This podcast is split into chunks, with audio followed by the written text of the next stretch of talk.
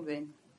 Són les 8 en punt. Doncs comencem aquesta sessió ordinària del ple de l'Ajuntament de Tardell, sessió número 11 de l'any 2020, i que té un ordre del dia de 17 punts. Esperem acabar abans no ens toqui el toc de queda perquè tindrem feina.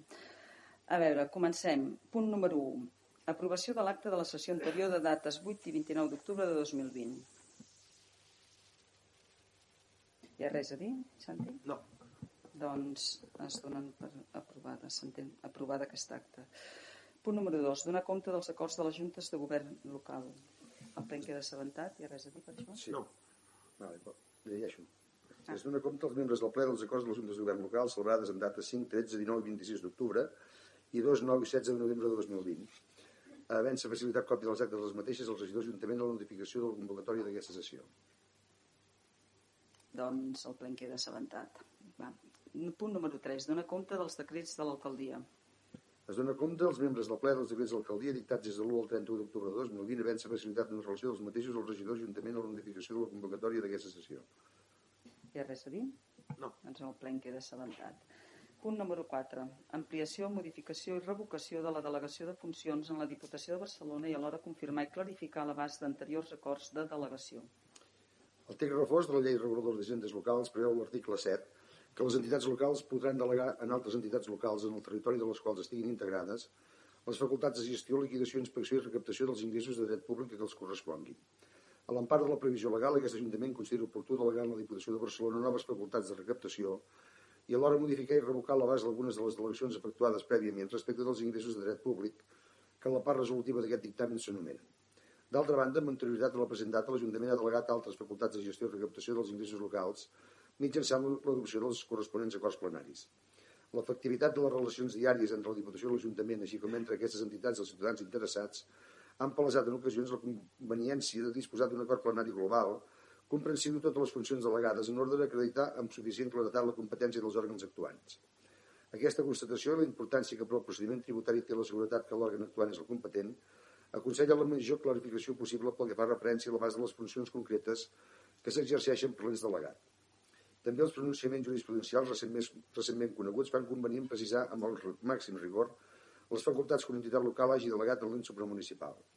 Davant les consideracions precedents, es creu convenient delegar en la Diputació de Barcelona noves facultats de recaptació i alhora modificar i revocar l'abast d'algunes de les delegacions efectuades prèviament respecte a les competències de determinats ingressos de dret públic i també confirmar i ratificar la delegació de funcions aprovada per l'Ajuntament amb anterioritat a aquesta data, completant i concretant en allò que crec calgui els acords anteriors. No debades, la llei 26-2010 de règim jurídic i de procediment de les administracions públiques de Catalunya, a banda de disposar en el seu article 116.1 que les administracions públiques catalanes, els organismes, i les, els organismes i les entitats públiques poden delegar les competències de llur titularitat a d'altres administracions o entitats en els termes que estableix la normativa sectorial aplicable, estableix en el seu article 8.4 que la delegació d'una competència pot reservar a favor de l'òrgan delegant les facultats de control i seguiment de l'exercici de la competència delegada i es pot subjectar a condició suspensiva resolutòria o a termini.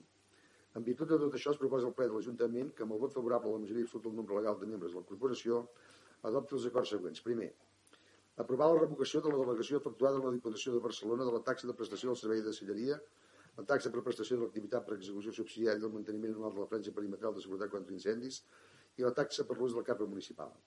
Segon, delegar la Diputació de Barcelona perquè mitjançant el seu organisme de gestió tributària exerceixi, per compte d'aquesta corporació, les competències de recaptació dels tributs i altres ingressos de dret públic que a continuació s'especifiquen.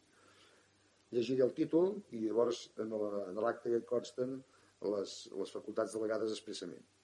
La taxa del recàrrec sobre el cànon de l'aigua, taxa per la prestació dels serveis de l'EAS, preu públic per la prestació de l'activitat administrativa per execució subsidiària del manteniment anual de la franja perimetral de seguretat contra incendis a les urbanitzacions, a les urbanitzacions preu públic del servei Parc de les Olors, multes coercitives. Tercer, modificar l'abast de la delegació efectuada a la Diputació de Barcelona mitjançant anteriors acords plenaris que a aquests efectes s'hauran d'entendre modificats de les funcions de recaptació dels ingressos de dret públic en el sentit que s'especifica a continuació.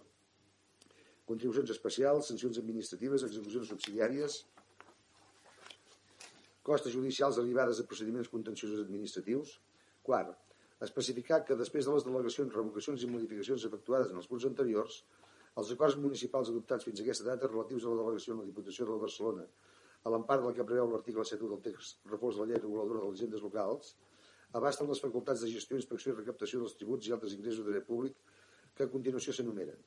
Impost sobre béns immobles, impost sobre activitats econòmiques, impost sobre vehicles de tracció mecànica, impost sobre l'increment del valor dels terrenys de naturalesa urbana, impost sobre construccions, instal·lacions i obres, contribucions especials, taxa per aprofitaments especials al domini públic a favor d'empreses exportadores de serveis de subministraments d'interès general, altres taxes com són la prestació del servei de gestió de residus municipals, la utilització privativa o aprofitament especial de la via pública amb entrades de vehicles de través de les voreres, la prestació dels serveis del cementiri municipal, l'ocupació de terrenys d'ús públic amb taules i cadires amb finalitat lucrativa, la instal·lació de quioscos a la via pública, les ocupacions del subsol, el sol i la volada de la via pública, el servei de subministrament d'aigua, l'ocupació de, terrenys d'ús públic amb mercaderies, material de construcció, runes, tanques, puntals, estimples, vestides i altres instal·lacions anàlogues, parades, barraques, casetes de venda, espectacles o atraccions situats en terrenys d'ús públic i indústries del carrer i ambulants i rodatge cinematogràfic, llicències o la composició d'activitats comunicades en matèria d'urbanisme,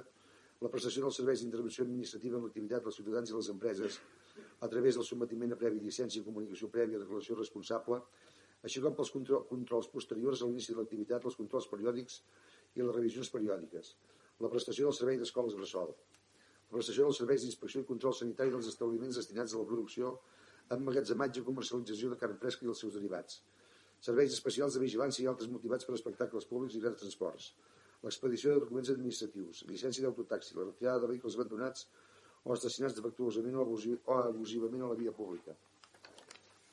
L'ús públic de les instal·lacions del pavelló poliesportiu municipal Pujol, Pujoló, l'ús del servei municipal de dipòsit de runes per rebliment de terrenys, l'ús de l'entrenament municipal, l'ús de les instal·lacions del Centre Cultural Costa i Font, el recàrrec sobre el cànon de l'aigua, la prestació dels serveis de l'EAS quotes d'urbanització, altres ingressos, preu públic per la prestació de l'activitat administrativa per execució subsidiària del manteniment anual de la franja perimetral de seguretat contra incendis de les urbanitzacions, preu públic del servei de Parc de les Olors, reintegrament de percepcions indegudes per subvencions municipals bestretes i posteriorment revocades, sancions administratives, multes coercitives, execucions subsidiàries, costes judicials derivades de procediments contenciosos administratius, qualsevol altre ingrés de dret públic. Cinquè, l'Ajuntament es reserva la facultat de realitzar per si mateix i sense necessitat d'abocar de forma expressa la competència les facultats d'aprovar determinacions determinades actuacions singulars de recaptació, concedir beneficis fiscals, realitzar liquidacions per determinar els deutes tributaris o aprovar l'anul·lació total o parcial de les liquidacions. Respecte d'alguns dels tributs o ingressos de dret públic, la gestió dels quals ha estat delegada a la Diputació de Barcelona, quan circumstàncies organitzatives, tècniques o de distribució competencial dels serveis municipals ho facin convenient. Sisè, correspon a la Diputació de Barcelona a través de l'organisme de gestió tributària en l'exercici de les funcions delegades de gestió, liquidació, inspecció i recaptació dels tributs i altres ingressos de dret públic descrits en l'apartat quart d'aquest acord, establir els llocs i els mitjans de pagament d'acord amb la normativa que sigui d'aplicació, l'Ordenança General de l'Organisme de Gestió Tributària de la Diputació de Barcelona, la normativa interna de la Diputació de Barcelona reguladora de la prestació d'aquest servei. Setè, la delegació conferida de l'exercici de les competències descrites en aquest acord es regeix per les regles següents. següents. Hi ha tota la, tota, segueix totes les regles que, per les quals es, es regula aquesta delegació. I passem al punt vuitè, que diu notificar aquest acord de delegació a la Diputació de Barcelona els efectes que per la seva part es procedeix a l'acceptació l'ampliació, modificació i revocació de la delegació conferida de les delegacions especificades.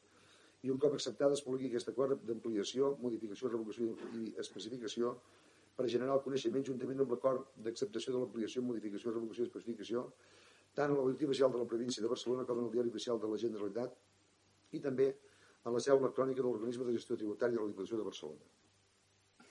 Gràcies, senyor secretari, per la lectura eh, d'aquest llarg document de, de major clarificació i de delegació en la Diputació de Barcelona de totes aquestes tasques de, i competències de recaptació.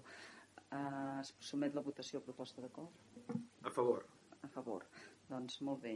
Punt número 5 de l'ordre del dia. Aprovació del compte general del pressupost de l'exercici 2019 i donar compte de l'informe d'intervenció previst a l'article 37 del Real Decreto 424 barra 2017 hi ha un error, l'informe el donem en el, el, el donar compte de l'informe és el punt següent, tot i que està posat en aquest títol, però si ens fixes està també repetit. És el punt 6. En principi estava, estava posat en un sol punt, però llavors vam separar. Eh, el que passa que en el títol veig que vaig, em vaig despistar i vaig deixar. Per tant, és l'aprovació del compte general. Atesa la diligència de 7 d'agost de 2020 que ordena que es procedeixi a la formació de l'expedient del compte general del pressupost de 2019 d'acord amb les disposicions legals i reglamentàries vigents, que l'expedient va ser examinat per la Comissió Especial de Comptes i es va emetre informe favorable. Atès que ha transcorregut el termini d'exclusió pública i 8 dies més i no ha estat presentada cap al·legació i o reclamació.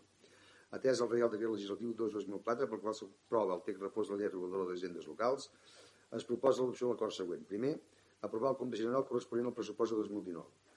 Segon, tramet el present acord juntament amb la documentació necessària a la sindicatura de comptes. Si hi ha res a dir? No, Doncs se somet la votació, a votació aquesta proposta d'acord. a favor. A favor. Punt número 6. Donar compte de l'informe del resum anual del control intern de l'exercici 2019. D'acord amb el que s'estableix a l'article 37 del Real Decret 424 barra 2017, pel qual es regula el règim jurídic del control intern a les entitats del sector públic local, l'òrgan interventor ha d'elaborar amb caràcter anual en ocasió de l'aprovació del compte general l'informe resum dels resultats del control intern que assenyala l'article 213 del Real Decret Legislatiu 2-2004 pel qual s'aprova el text refós de la llei d'hisendes locals. L'informe de resum s'ha de remetre al ple a través del president de la corporació i la intervenció general de l'administració de l'Estat en el curs del primer quadrimestre de cada any i ha de contenir els resultats més significatius derivats de les actuacions de control financer i de funció interventora dutes a terme l'exercici anterior. L'expressió de l'article 37.1 del reglament en ocasió de l'aprovació del compte general ha de ser interpretada en el sentit que es refereix a actuacions a realitzar que s'emmarquen dins del procés d'elaboració, formulació i aprovació del compte general i, per tant, la remissió al ple i a la intervenció general de l'administració de l'Estat de l'informe de resum ha de ser realitzada abans del 30 d'abril abans del 30 d'abril de l'exercici següent aquell en què s'hagin realitzat les actuacions de control que s'inclouen en la necessitat d'informe resum. La intervenció general de l'Administració de l'Estat, fent ús de les facultats atribuïdes per l'article 37 del REFIL, va dictar la resolució de 2 d'abril 2020 per la que s'estableixen les instruccions a les quals s'han d'ajustar el contingut, l'estructura i, i el format de l'informe resum, així com la sol·licitud de l'informe previ a la resolució de discrepàncies i la remissió d'informació comptable i informes d'auditoria de comptes anuals de les entitats del sector públic local. En compliment del requerit a l'article 213 del text refós de la llei de règim local i 37 del REFIL, la intervenció ha elaborat l'informe resum amb els resultats més significatius derivats de les actuacions de control intern realitzades durant, l'exercici 2019 en les modalitats de funció interventora, control permanent, auditoria pública i control financer de subvencions.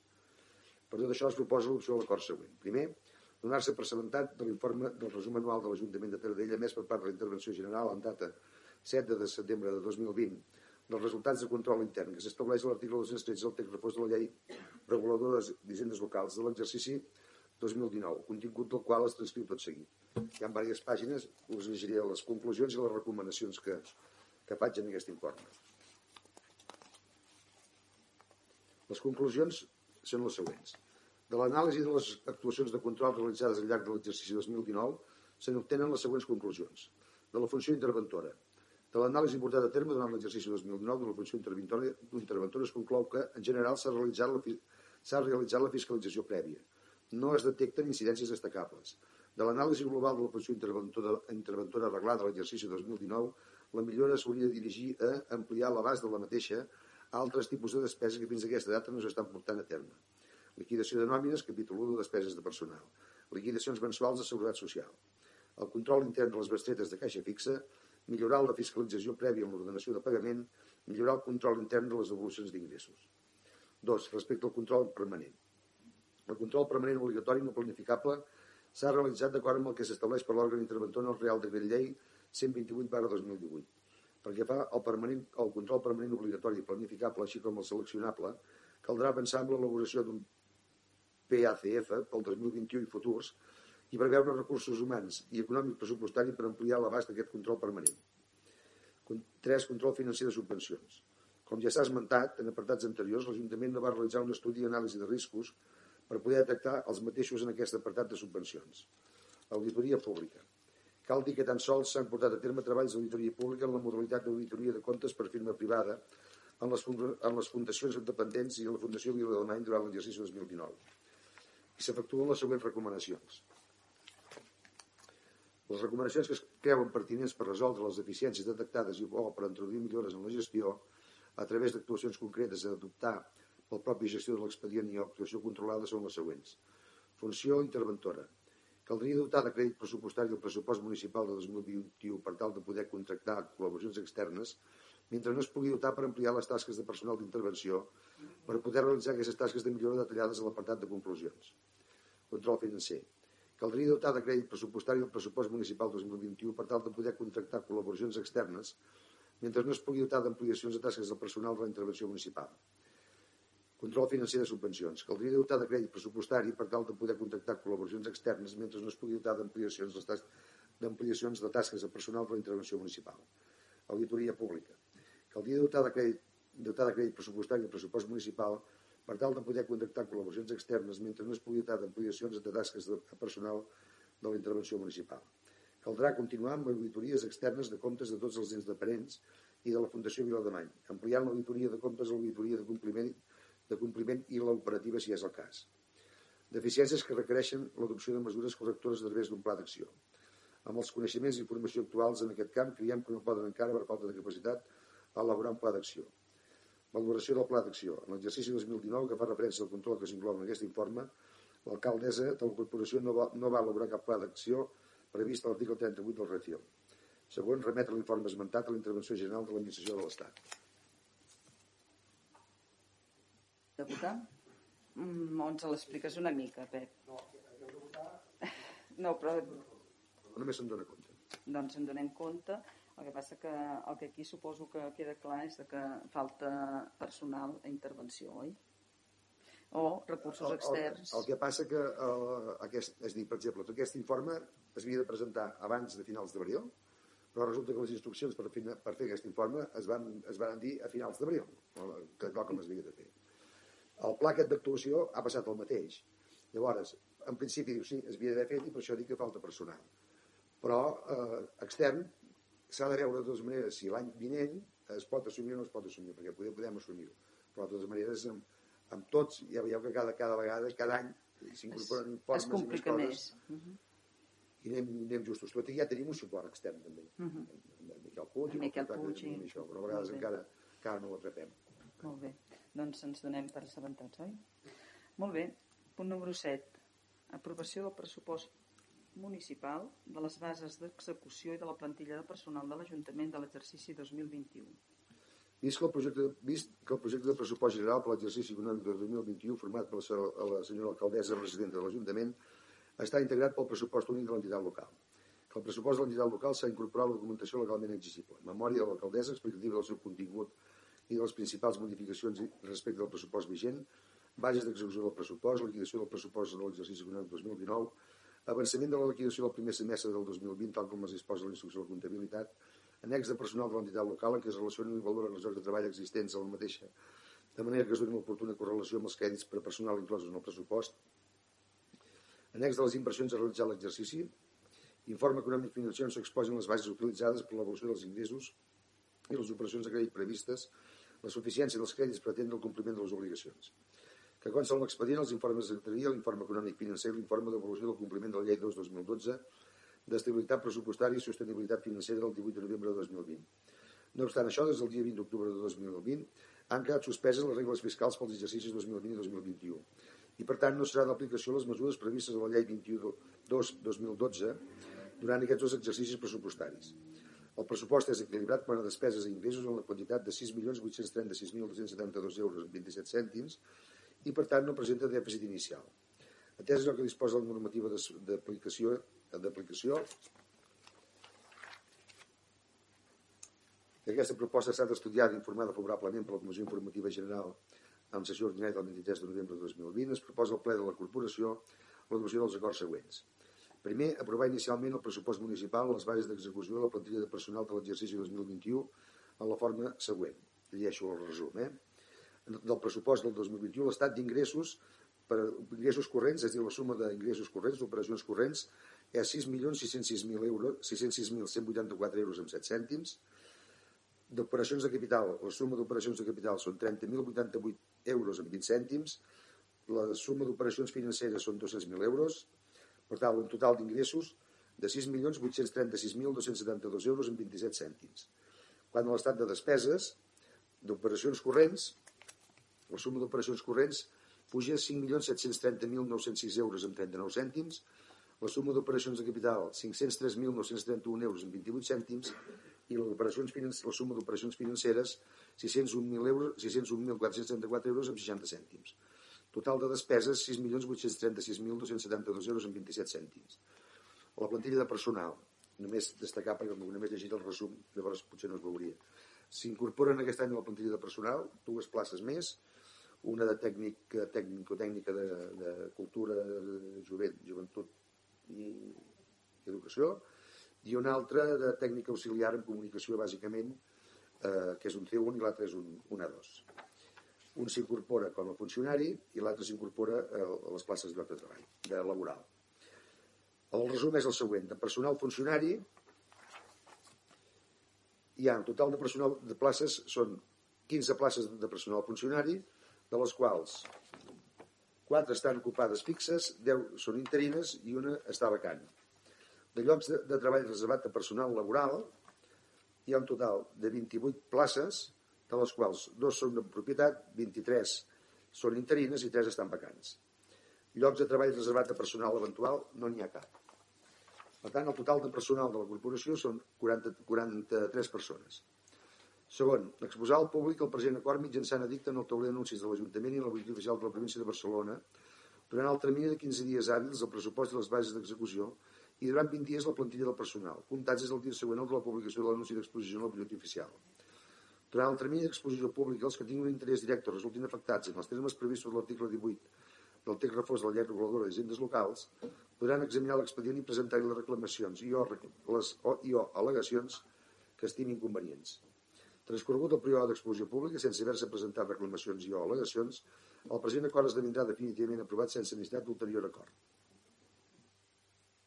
Moltes gràcies, senyor secretari. La regidora d'Hisenda, Núria Arau, em sembla que ens pot explicar una mica més detall d'aquest pressupost i el per què d'aquestes dades. Uh, gràcies. Um, començar que aquest pressupost 2021 uh, és un pressupost que, per molt que estigui equilibrat, eh, és un pressupost molt ajustat i pensat eh, eh, sobretot en la situació de pandèmia que ara mateix vivim. Tot i així, eh, el pressupost creix amb, al voltant d'un 4,05%, dels quals eh, a nivell de recursos ordinaris eh, s'augmenta un 3,30%. Tot i així, és, és eh, important esmentar que aquest creixement no és arran d'incrementar ni taxes ni impostos, que com es va veure en el ple d'ordenances eh, la nostra defensàvem que la nostra opció fos la de no pujar cap taxa ni impost pel simple fet de que la situació que s'estava vivint ara creiem que no era el millor moment i aquest, aquesta puja es deu sobretot per la puja dels padrons eh, que hi ha hagut en aquest eh, 2020. A nivell de despesa, eh, fer esment que el capítol 1 puja aproximadament un 5%, Eh, això és sobretot perquè, com portàvem en el nostre programa electoral, seguim consolidant llocs de treball a partir de reduir el dèficit de tècnics que tenia l'Ajuntament i posant en valor el personal municipal i adequar la categoria laboral de la plantilla segons la feina que estan realitzant.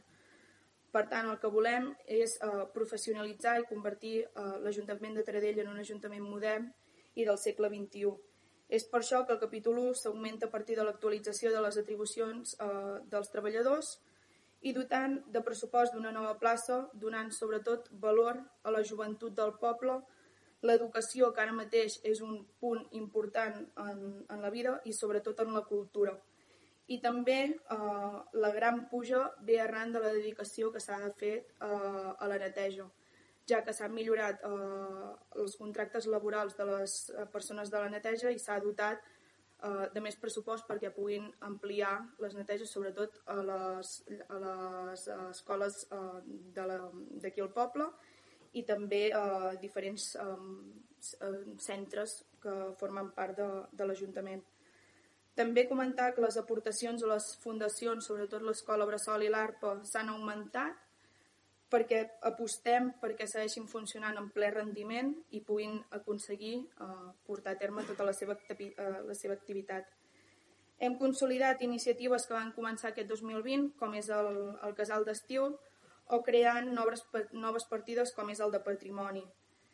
també hem aconseguit baixar les despeses perquè fa les amortitzacions als seus interessos, per tant podem dir que s'han eh, baixat una mica l'endeutament, i a nivell d'inversions eh, fent sis en aquests pressupostos participatius que seran per als joves d'entre 12 a 35 anys. També les càmeres de lectura de matrícules a les entrades del poble i seguint amb la sostenibilitat que, que volem per Taradell a partir d'iniciatives com la instal·lació de plaques fotovoltaiques a l'EAS o seguint com aquest any la, la millora de l'enllumenat públic. Gràcies, Núria, per aquesta diguem, pinzellada d'alguns dels aspectes més interessants d'aquest pressupost, que, com bé sabeu, és una projecció. Santi, si us plau.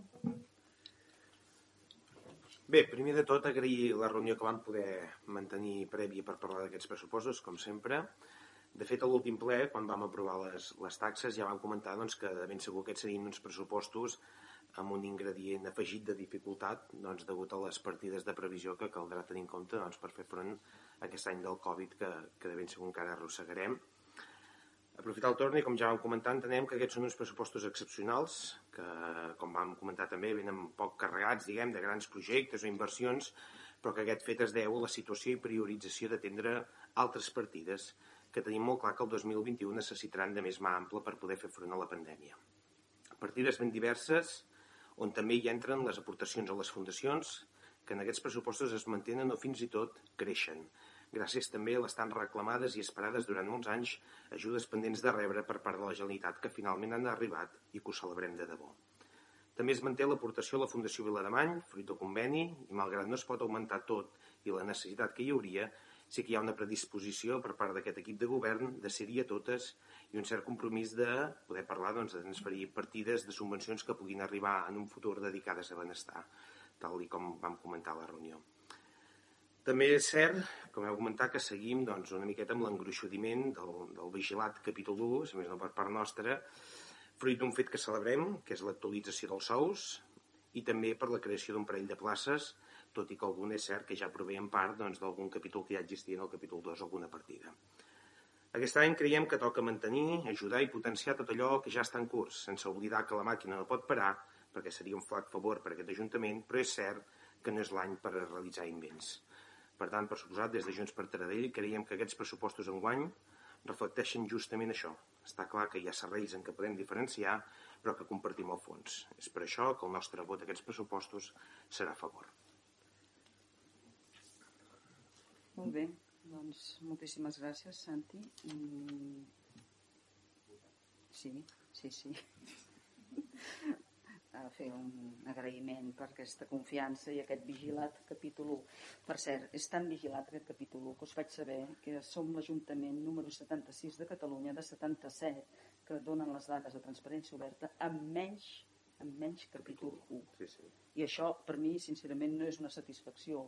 No, no és una satisfacció perquè vol dir que anem molt coixos, molt coixos de capítol 1, de persones realment formades, de persones realment professionals, com les que ja hi ha ara, però que ens en falten més i ens hem de dotar més d'aquestes, perquè la complexitat que fa un moment deia el senyor secretari amb el tema d'intervenció i de més, doncs, i és a tots els àmbits, a tots els àmbits.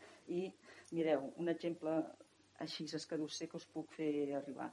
Pel fet de no tenir tècnic d'educació, l'any passat no vam poder acollir-nos a una subvenció del projecte educatiu de poble, del PET, que és molt, molt important si volem realment reactivar la gent amb educació i amb la joventut ben formada que tots desitgem i que tant aplaudeixes en els teus articles. Per tant, necessitem més eh, professionals i tècnics per poder tirar endavant aquest Ajuntament del segle XXI, que tant vosaltres com nosaltres volem.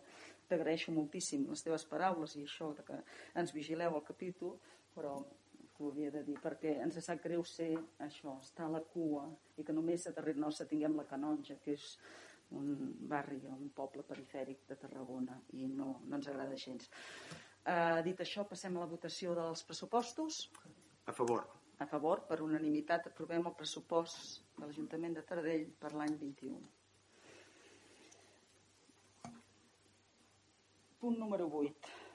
Constitució del Patrimoni Municipal del Sol i inscripció en el Registre de Planejament de, Planejament de Catalunya.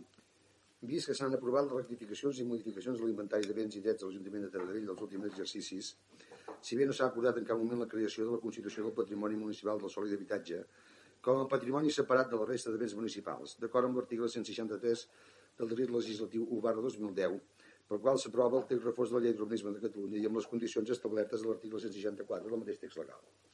Que per part dels serveis tècnics i jurídics de la corporació s'ha procedit a l'estudi per identificar els béns municipals que s'han d'incorporar i constituir en patrimoni municipal del sol i l'habitatge i que són les finques situades en el terme municipal de Taradell inscrites al registre de la propietat 3 de Vic amb els números 5.875 i 6.061 i, ja, i que ja consten en l'inventari municipal. Per altra part, el decret llei 17 barra 2019 de mesures urgents per millorar l'accés a l'habitatge a la seva disposició addicional quarta, disposa que els municipis inclosos en les àrees de demanda residencial forta i acreditada, dins el termini d'un any des de l'entrada en vigor del mateix, han de trametre al registre del procediment urbanístic de Catalunya l'inventari de béns i drets que integren el patrimoni municipal de sol i habitatge per la seva inscripció, així com el seu balanç de situació i que la manca de presentació de l'inventari del balanç de situació dins del termini esmentat impedeix alinear els béns i els drets patrimonials mentre no s'inscriguin que el termini per donar compliment a la disposició referida és el 31 de desembre de 2020. De 2020. Per això es proposa l'opció de l'acord següent. Primer, aprovar la Constitució del Patrimoni Municipal del Sol i Habitatge de l'Ajuntament de Taradell com a patrimoni separat de la resta de béns municipals amb els béns que no integren i que es relacionen, els quals figuren l'inventari amb l'epígraf 9.0. Béns que s'incorporen al patrimoni municipal de sol i habitatge, el Codi 9001, en l'actual inventari tenia assenyalat el Codi número 0082, que és la parcel·la de terreny edificable ubicat dins l'àmbit d'actuació dins, dins l'àmbit de la unitat d'actuació número 4 de Taradell, actualment Pau 10 del Pou. Superfície 390, 790 metres i mig, edificabilitat 586, 526 metres amb 87 decímetres, finca registral 5875 de Taradell del registre de la propietat 3 de Vic, adreça carretera de Balanyà 4850, valor 18.019 euros amb 57 cèntims, que correspon al valor cadastral de 2020. L'altra parcel·la és el Codi 9002, parcel·la de terreny edificable, publicada dins el polígon d'actuació urbanística 3, que mira la font de, de la font d'en Déu del POM de 2010. Superfície 561 metres amb 65 decímetres, edificabilitat 741 metres quadrats, finca registral 6.061 de Taradell, del registre de la propietat 3 de Vic. És la, la seva adreça és la carretera de Balanyà 182 i el valor 25.343 euros amb 6 cèntims, que correspon també al valor cadastral la part proporcional del valor cadastral que li correspon. Segon, tramet al registre del planejament urbanístic de Catalunya l'inventari de béns i els drets que integren el patrimoni municipal de sol i habitatge de Taradell i el blanc de situació sol·licitant la inscripció. Gràcies, Pep. Bé, es tracta d'aquests dos terrenys o solars que estan al costat de Can Romans un i al costat de Can Furrials l'altre. O sigui que el, se somet a votació la proposta d'acord per incloure'ls. Gràcies, també estem a favor, evidentment. Punt número 9. Elecció de les persones que es proposaran al Tribunal Superior de Justícia de Catalunya per ocupar els càrrecs de jutge de pau titular i substitut. Vist que properament finalitza el termini de 4 anys pel qual van ser designats els actuals jutges de pau titular, senyora Carme Blas Solà i Lluís Montal Vila, respectivament. Que en compliment del que disposa l'article 101 de la llei orgànica del Poder Judicial ha de procedir-se a l'elecció de jutge de pau titular i substitut del jutjat de pau de Taradell per tal que en el seu cas siguin nomenats per la, siguin nomenats per la sala de govern del Tribunal Superior de Justícia de Catalunya. Atès que s'ha publicat a la pàgina web municipal en el torn d'anuncis de l'Ajuntament i en el boletí oficial de la província de Barcelona, la dicta anuncia, anunciant l'obertura d'un termini per tal que les persones interessades, interessades presentin les seves sol·licituds, que s'han presentat les sol·licituds següents, el senyor Pau Rossegui Samper i el senyor Lluís Montal Vila. Vista les sol·licituds presentades i ponderan les diferents circumstàncies personals dels sol·licitants i la seva idoneïtat per exercir els càrrecs de jutge de pau titular i substitut, i considerant que reuneixen els requisits legals que no estan sotmesos a cap tipus d'incapacitat ni incompatibilitat per l'exercici per exercir el càrrec, el càrrec, en especial les dels casos establerts a l'article 13 i següents del reglament 395 dels jutges de pau i les que estableix l'article 303 de la llei orgànica del Poder Judicial, es proposa l'opció dels acords següents. Primer, proposar el nomenament de jutge de pau titular i substitut de Taradell a les persones següents. Jutge de pau titular, senyor Pau Rossigui Samper. Jutge de pau substitut, senyor Lluís Montal Vila. Segon, remetre certificació d'aquest acord a l'il·lustríssim jutge de Gata Vic perquè sigui elevat a la sala de govern del Tribunal Superior de Justícia de Catalunya d'acord amb l'article 103 de la llei orgànica del Poder Judicial. Tercer, agrair a la senyora Carme Blas els serveis prestats com a jutgessa de pau d'aquest Ajuntament. Hi ha res a dir? Sí, sí que ens agradaria dir en aquest ple doncs, un seguit d'aclariments. En primer lloc, i, i per suposat, som plenament conscients que el que avui es proposa aquí justament és això, no? una proposta que prové de l'equip de govern sobre qui ha d'ocupar doncs, la plaça de jutge de pau. Sabem i som molt conscients doncs, que el nostre vot no és ni molt menys determinant, però malgrat això aprofitem aquest moment per exposar el que creiem. En primer lloc, i entenent que si res es torça serà el senyor Pau Rossí que el que ocuparà el càrrec de jutge de pau i el senyor Lluís Vila a la suplència, voldríem aprofitar ja per felicitar-los i desitjar-los els millors incerts i l'agraïment per voler realitzar una tasca tan lograda com aquesta. I comencem amb l'agraïment per denotar que el nostre punt que ara farem no és una qüestió de persones, sinó de formes. Som coneixedors que tant el senyor Pau i el senyor Lluís, actualment jutge suplent, han sol·licitat aquesta plaça. Nosaltres enteníem i trobàvem més lògic que l'actual jutge suplent, persona experimentada gràcies a aquest temps d'aprenentatge i de cursos i formacions realitzats sobre el tema, era la persona més idònia per ocupar la plaça titular, deixant lliure la de suplent perquè qualsevol persona interessada, com ara el senyor Pau, la pogués ocupar per tal de seguir el mateix procés que ell va seguir i que avui, des del nostre criteri, havia de portar-lo a ser proposat jutge de pau. La nostra opinió és aquesta, on no hi trobem un criteri tècnic darrere aquesta decisió i permeteu-nos que pensem que tampoc hi és. De ben segur que algun altre criteri de selecció hi deu haver-hi, però el desconeixem. Aquest equip de govern està, per suposat, legitimat per a poder canviar, fer i desfer, i de fet és bo que així sigui. Però també sabeu que aquesta oposició estem aquí per donar suport o no depenent quins canvis, perquè sempre que siguin motivats per criteris tècnics hi haurà el nostre suport, però quan creiem que el criteri és un altre, tenim una altra veu. Dit això, i acabem ja, si hem començat amb els millors desitjos al nou jutge de pau que reiterem i que desitgem, acabem amb els millors agraïments, tal i com també diu el punt tercer d'aquest acord, per a la jutgessa Carme Blas. Agrair la seva tasca en aquest jutjat, primer com a suplent i finalment com a jutgessa titular Gràcies per la labor encertada sempre, per la força i la dedicació i lligat a aquest àmbit, gràcies també pel paper des dels inicis ha desenvolupat a la Fundació Vilademany, de la que ha estat fins a l'actualitat sempre patrona per diferents vies, fins a l'actualitat que ho estava ja que ocupava el càrrec de jutgessa de pau.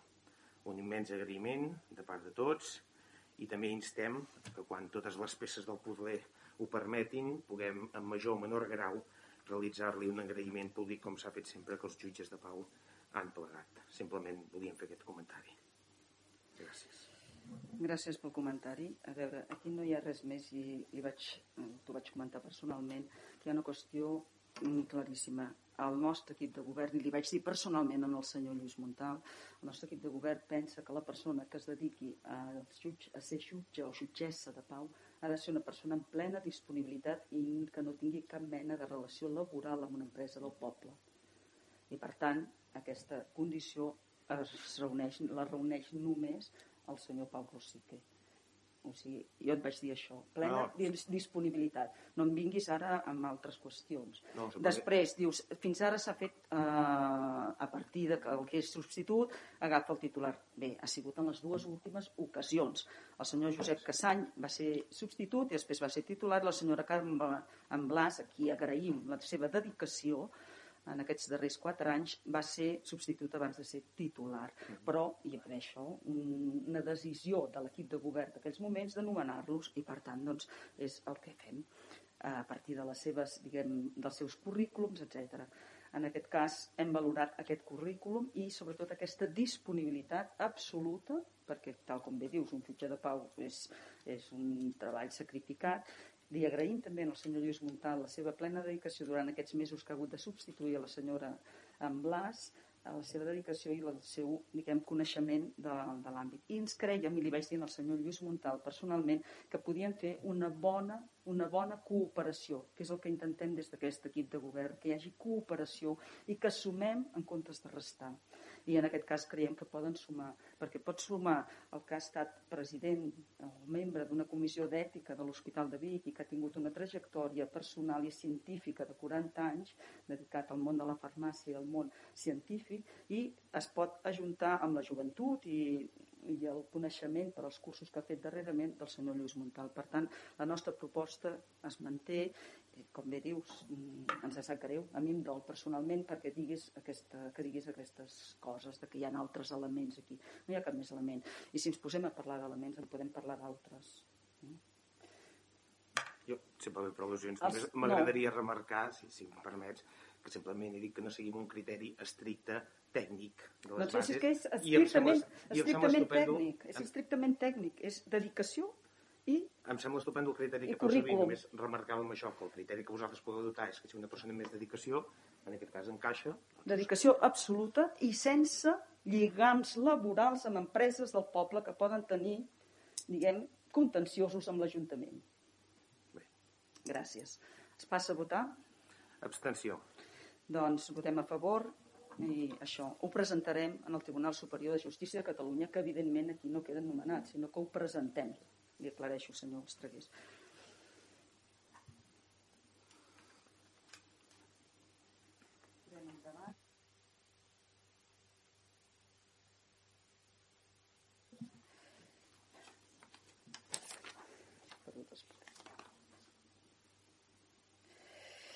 A veure, el punt número 10. El per- Donar compte dels informes trimestrals de compliment de les normatives d'estabilitat pressupostària, sostenibilitat financera, morositat i període mig de pagament del tercer trimestre de 2020. Es dona compte al ple dels informes del secretari interventor que s'han remès al Ministeri d'Hisenda relatius al compliment de la normativa de morositat i d'estabilitat pressupostària i sostenibilitat financera del tercer trimestre de 2020 que es resumeixen seguidament. Informe de morositat, pagaments realitzats durant el trimestre dins del termini legal, 1.083, per un import de 991.153 euros amb 17 cèntims, equivalent al 99,50%. Pagaments realitzats fora del període legal de pagament, 11, per un import de 5.044 euros amb 47 cèntims, equivalent al 0,50%. Pagaments totals durant el trimestre, 1.094, amb un total de 996.196 euros amb 64 cèntims. Obligacions pendents de pagament dins el període legal, 343, per un import de 193.211 euros amb 80 cèntims. I obligacions pendents de pagament fora del període legal, un de 853 euros amb 78 cèntims. S'han exclòs de la relació de, la relació les factures corrents de pagaments pactats de forma expressa amb els emissors per mitjà de domiciliació amb motiu de procedir-se anualment a la regularització dels imports i, en el seu cas, compensació dels mateixos, així com per, com per manca de gestió de cobriment del creditor.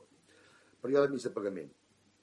La ràtio d'operacions pagades és de 9,21 dies, imports pagats 419.968 euros amb 56 cèntims, ràtio d'operacions pendents 44,07 dies, import d'operacions pendents 73.606 euros amb 44 cèntims, període de mig de pagament 14,41 dies. No és necessari aplicar mesures especials per la reducció del període mig de pagament al pla de tresoreria. S'haurà de publicar el període mig de pagament a la web de l'Ajuntament. Estabilitat pressupostària i sostenibilitat financera. En relació a la regla de despesa i amb les dades reflec- reflectides a l'estat d'execució del segon trimestre i tenint en compte que està vigent el Pla Econòmic i Financer 2019-2020, es valora en el sentit que es complirà el límit de la regla de la despesa de l'exercici 2020 amb les condicions establertes en l'esmentat pla. Que amb les- mateixes condicions anterior, es- esmentades anteriorment, es compleix amb l'objectiu de capacitat necessitat de finançament previst a la Llei Orgànica de 2012, que ha donat un resultat de 243.838 euros amb 77 cèntims que es compleix la regla del deute sent el deute viu a 30 de setembre de 2020 de 4.014.827 euros amb 91 cèntims. De l'anterior resulta que no serà necessari prendre mesures pel compliment del PEP 2019-2020. M'hi has donar compte, eh? Sí, només és donar compte, o sigui que el ple en resta assabentat. Punt número 11. Aprovació de l'ordenança municipal de mobilització del parc d'habitatges buits. Vist que per decret de l'alcaldessa 156 barra 20 i per diligència d'ordenació de la mateixa data 3 de novembre de 2020, es va acordar sotmetre informació prèvia a l'elaboració d'una ordenança per regular la mobilització del parc d'habitatges buits de Taradell i la inclusió de l'expedient per a la redacció i l'aprovació de l'ordenança municipal de mobilització del parc d'habitatges buits de Taradell. El secretari municipal emet informe en relació al procediment a seguir en data 3 de novembre de 2020. Els serveis municipals van redactar un esborrany de reglament i amb anterioritat ja s'havia sotmès informació, amb informació i consulta prèvies les previstes als apartats 1 i 2 de l'article 133 de la llei 39-2015 sense que s'hagi realitzat cap aportació, al·legació o suggeriment durant aquest tràmit. Atès el que disposa la normativa d'aplicació, es proposa l'adopció de l'acord següent. Primer, aprovar inicialment l'ordenança municipal de mobilització del parc d'habitatges buit de Taradell, el text de la, de la qual consta diligenciat a l'expedient administratiu. Segon, sotmetre informació pública durant 30 dies l'expedient per mitjà de la publicació d'edictes del Diari Oficial de la Generalitat de Catalunya, al butlletí oficial de la província en el diari El Punt Avui, el tauler edictes municipal i el web municipal a efectes de presentació de reclamacions i al·legacions. Tercer, en el cas que no es formulin al·legacions, s'entendrà aprovada definitivament sense necessitat de prendre cap altre acord express. Quart, un cop aprovada definitivament, publicar el text íntegre de l'ordenança al butlletí oficial de la província, el tauler electrònic de dictes, de, el, el, el tauler electrònic de dictes, a la web taradell.cat i publicant el edicte al diari oficial de la Generalitat el diari El Punt Avui i el, el butlletí municipal indicant la referència del BOP on es publica el text íntegre.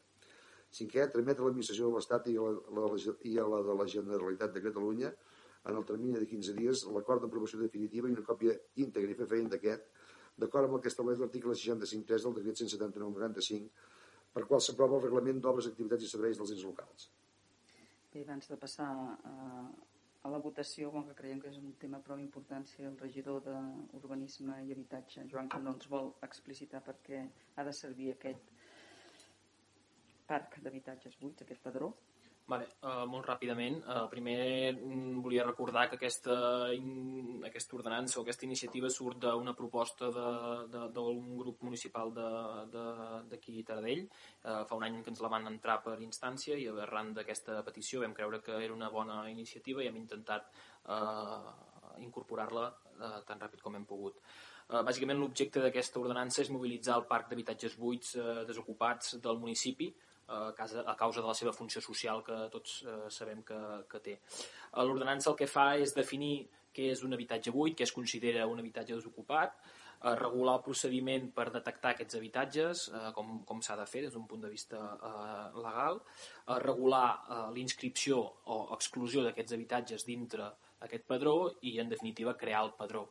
Eh, aquest padró es crearà durant aquest 2020 eh, i aquest padró és el que ens ha de servir de base eh, a partir de l'any següent eh, per decidir quines accions emprenem per, per poder mobilitzar aquest parc d'habitatges, si es fan bonificacions, si es fan subvencions o si es fan recàrrecs o qualsevol altre tipus d'iniciativa que puguem eh, decidir en funció de la quantitat, del nombre i de l'estat d'aquests habitatges.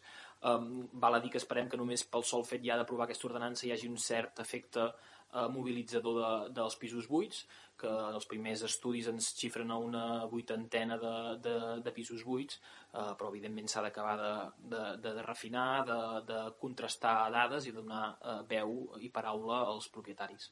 Eh, poca cosa més. Gràcies, Joan. Assumet a votació si hi ha res a dir. Santi? A favor. Doncs votem a favor. Eh, punt número 12. Ratificació de l'acord de la Junta de Govern Local de 28 de setembre de 2020 d'aprovació del conveni de col·laboració amb el Servei Català de Trànsit. Vist l'acord de la Junta de Govern Local de 28 de setembre de 2020 que textualment disposa. Vist que aquest Ajuntament i el Servei Català de Trànsit van subscriure en el seu dia un conveni de col·laboració per l'assumpció de la facultat de denúncia i sanció per infraccions a normes de circulació en vies urbanes que la disposició addicional vuitena de la llei 40-2015 relatiu a l'adaptació dels convenis vigents estableix que els convenis que en data 2 d'octubre de 2016 no tinguin determinat un, període, un termini de vigència o si existeix tinguin establert una pròrroga tàcita per un temps indefinit, el seu termini de vigència serà de 4 anys, és a dir, finalitzen en data 2 d'octubre de 2020, com és el cas de la, del conveni establert en el seu dia entre dues entitats. Que el Servei Català de Trànsit s'ha dirigit a aquest Ajuntament per tal que es manifesti si es vol subscriure un nou conveni de col·laboració en matèria de denúncia d'infraccions de trànsit. Que aquest Ajuntament disposa del cos de vigilants locals, auxiliars de policia local, que es creu convenient signar el conveni proposat pel Servei Català de Trànsit per unanimitat perdó, per unanimitat s'acorda, sí, primer a manifestar al Servei Català de Trànsit la voluntat de l'Ajuntament de Taradell de subscriure un conveni de col·laboració per l'assumpció de les facultats de denúncia i sanció per infraccions de normes de circulació en vies urbanes, model del conveni A1, segon notificar el present acord al Servei Català de Trànsit. Per tot això es proposa l'adopció de l'acord següent. Primer, ratificar íntegrament l'acord de la Junta de Govern Local de 28 de setembre de 2020 d'atorgament d'un conveni de col·laboració amb el Servei Català de Trànsit per l'assumpció de la facultat de denúncia i sanció per infraccions a normes de circulació en vies urbanes, model del conveni A1. Següent, notificar aquest acord al Servei Català de Trànsit.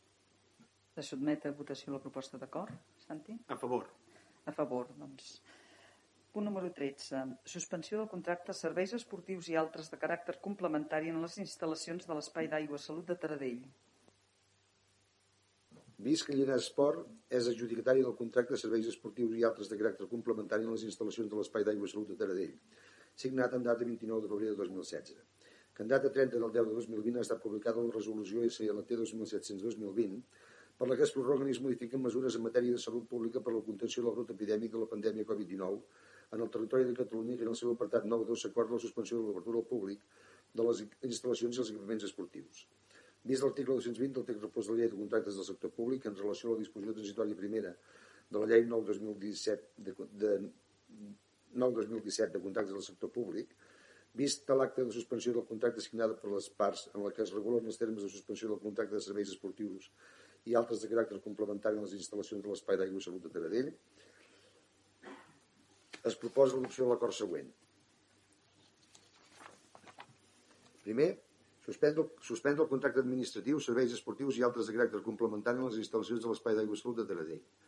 Expedient 82-2016, com a conseqüència de la suspensió de l'obertura al públic de les instal·lacions i els equipaments esportius acordada per la resolució SLT 2700-2020, per la que es prorroguen i es modifiquen mesures en matèria de salut pública per la contenció del brot epidèmic de la pandèmia de Covid-19 en el territori de Catalunya. Segon, els efectes de la suspensió seran des del dia 30 d'octubre de 2020 i durant el temps que es mantinguin les mesures acordades en la resolució esmentada. Tercer, mantenir el contracte del coordinador de l'Espai d'Aigua i Salut, senyor Miquel Hernández, del 50% de la seva jornada per la conducció i control de les instal·lacions esportives durant la suspensió del contracte.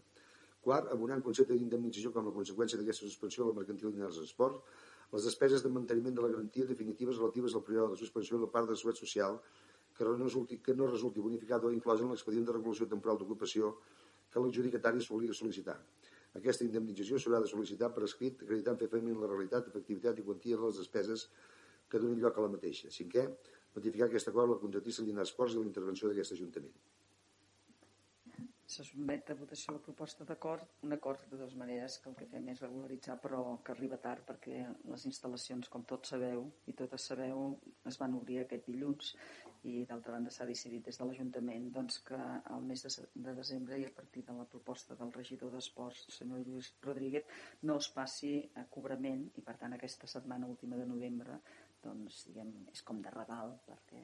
Mm, es va passar l'1 de novembre i ara tindran tot el mes de desembre per poder accedir a l'EAS.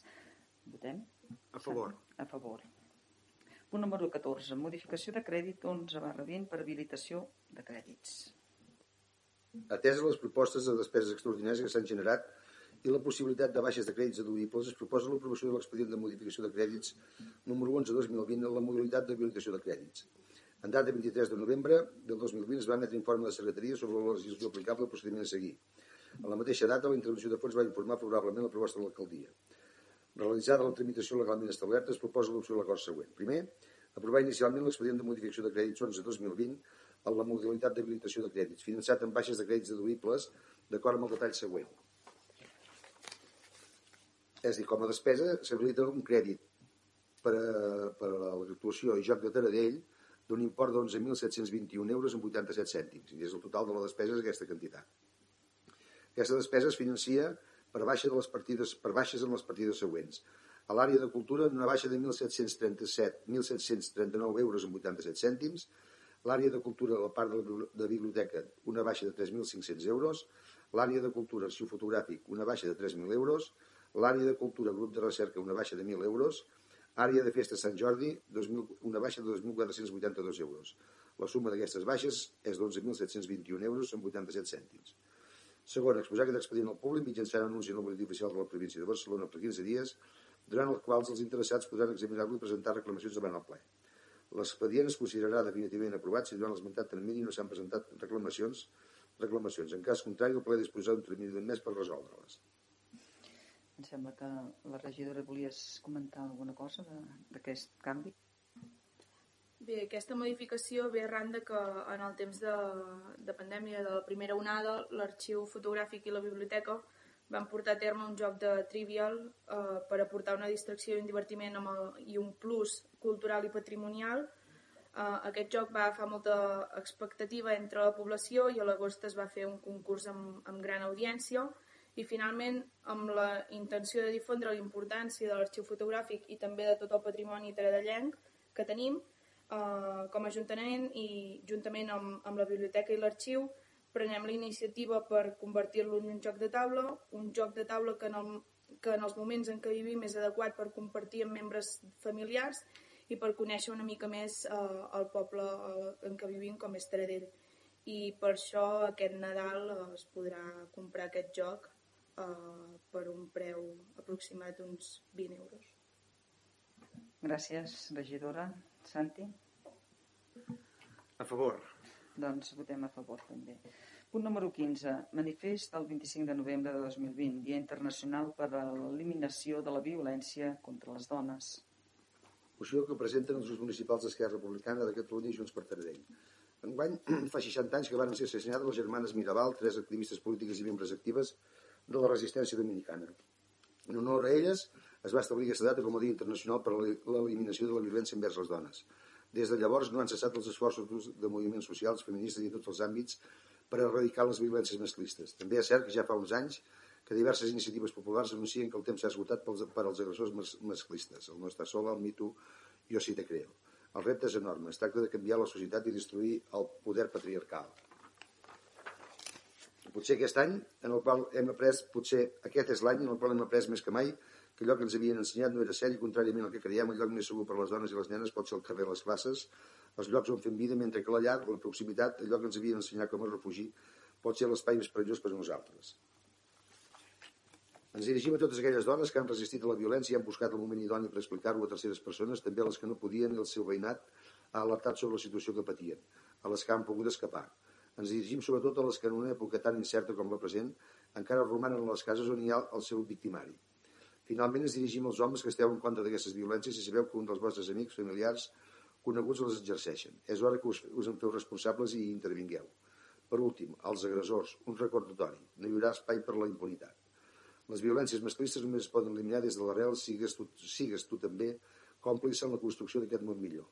Per això es proposa l'opció de l'acord següent, aprovar el manifest 25 2020, Dia Internacional per l'Eliminació de la Violència envers les Dones.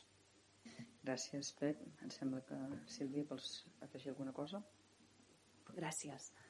Com cada any, el 25 de novembre és un dia on les dones tenim coses a dir, a expressar i a fer visibles que les violències masclistes estan vives, a cada cantonada, poble, cultura i temps, perquè la violència no és només una agressió explícita contra un cos, sinó que està present a la política, a l'educació, a les institucions, les relacions econòmiques, els mitjans de comunicació, el llenguatge, el treball i tantes altres formes visibles i invisibles de violència masclista.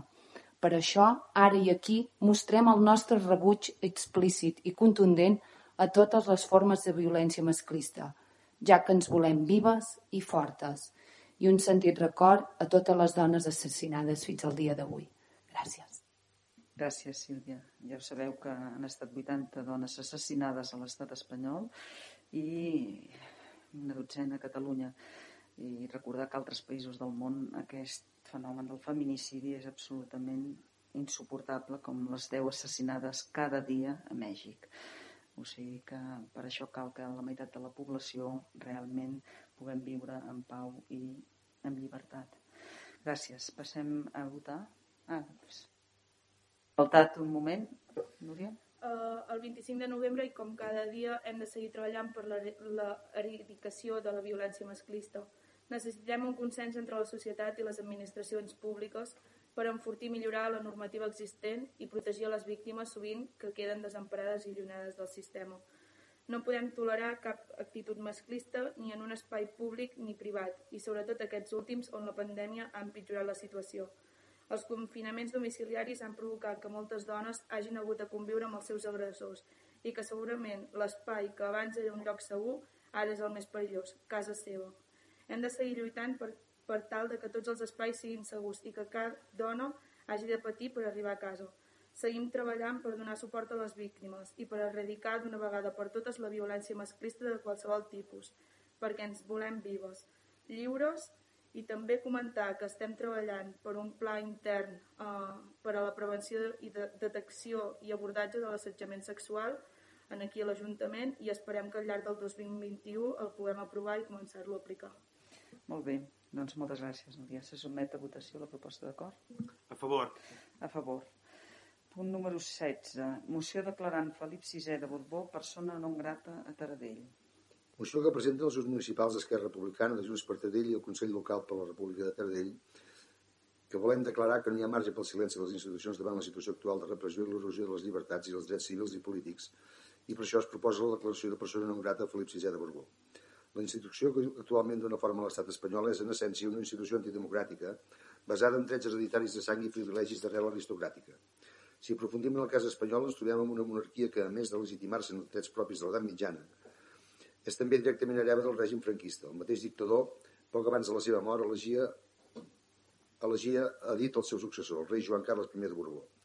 La relació de la dinastia borbònica amb els països catalans ha estat una relació marcada per la cultura política de la imposició. Des de Felip V, primer Borbó cap de l'estat espanyol que va sometre els catalans i les catalanes a cop d'autoritarisme polític i militar, com així demostra el decret de nova planta que volia les institucions catalanes, el setge de Barcelona o la crema de Xàtiva, fins al, al darrer i actual cap d'estat Felip VI, símbol de l'unitat d'Espanya, que tres segles després del final de la Guerra de Successió continua negant el dret d'autodeterminació de la nació catalana. En l'actual procés de ruptura democràtica engegat pel poble català envers l'estat espanyol, pensem que és convenient assenyalar i denunciar quin ha estat el paper de la dinastia borbònica i la corona espanyola al llarg de la història, el que representa i el que simbolitza. Des del sometiment dels països catalans per dret de conquesta a l'actual model d'estat espanyol, arcaic i antidemocràtic. Perquè la institució monàrquica és anacrònica i no representa la majoria de catalans i catalanes perquè l'actual rei ho és per herència del règim feixista encapçalat, encapçalat pel dictador Francisco Franco, perquè la monarquia espanyola, i en concret la dinastia borbònica, té una llarga història d'exercici de l'autoritarisme polític i militar contra els països catalans i que continua fins a l'actualitat. Perquè els catalans i catalanes tenim la ferma voluntat de construir una república independent de la monarquia espanyola i en plena sobirania. Perquè l'estat espanyol és encara a dia d'avui una presó per a la resta de pobles de la península ibèrica sotmesos a la corona perquè la monarquia espanyola és corrupta i manté vincles amb règims autoritaris que són contraris als valors republicans. Perquè el rei d'Espanya, Felip VI, el dia 3 d'octubre de 2017, va abandonar la figura d'àrbitre que li confereix la Constitució espanyola i va decidir prendre part en el conflicte, justificant i avalant la repressió espanyola en forma de càrregues policials que l'estat espanyol va desplegar a partir del 1 d'octubre. Per tots aquests motius volem fer palès a través d'aquesta iniciativa la intenció d'instar l'Ajuntament de Taradell per, primer, que es declari el cap de l'estat espanyol, Felip VI de Borbó, persona non grata del municipi de Taradell. Segon, que es declari Taradell municipi antimonàrquic i, en conseqüència, vila plenament democràtica i republicana. Res a dir, Santi? Bé, crec que no hi ha, no hi ha molt, molt a afegir en aquesta moció que ja ho explica bastant tot. Crec que al final la figura dels Borbons, com bé diu, ja ve d'una llarga trajectòria anticatalanista, que per suposat han sabut agafar l'herència l'actual cap d'estat i que per suposat si ja era una persona crec que tenia poc carisma en el territori català la seva última feta el 3 d'octubre després dels fets que hi van haver-hi de l'1 d'octubre crec que ja el van portar directament a una condemna parcial i per vida ja de que sigui poc ben rebut per aquestes terres per tant per suposat a favor doncs nosaltres també estem a favor perquè realment la institució monàrquica és anacrònica i no representa un poble democràtic. Punt número 17. Pregs i preguntes. No. No hi ha res? Doncs sense... Lluís? No, uh, ha de ser després del ple. Ara tanquem el ple. O sigui, un cop s'ha acabat el ple, pot parlar el públic. Doncs donem per tancat aquest ple d'aquest mes de novembre i Ara sí, si vols dir.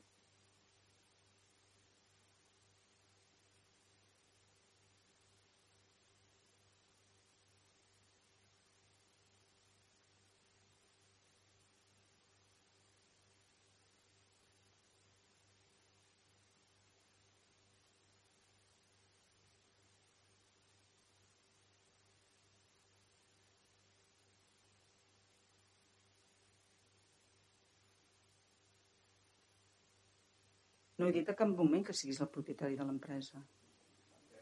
No, no, no, he dit que treballaves. Que treballaves.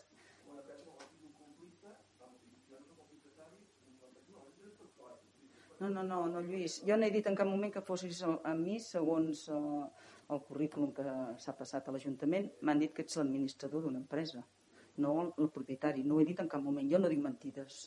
No, no, és que aclarim això, tu. No, no, tranquil·líssim, en Lluís. A mi em sap molt greu aquesta situació, perquè a la conversa, més vam mantenir una conversa fa quatre mesos a dalt i no m'has tornat a dir res més.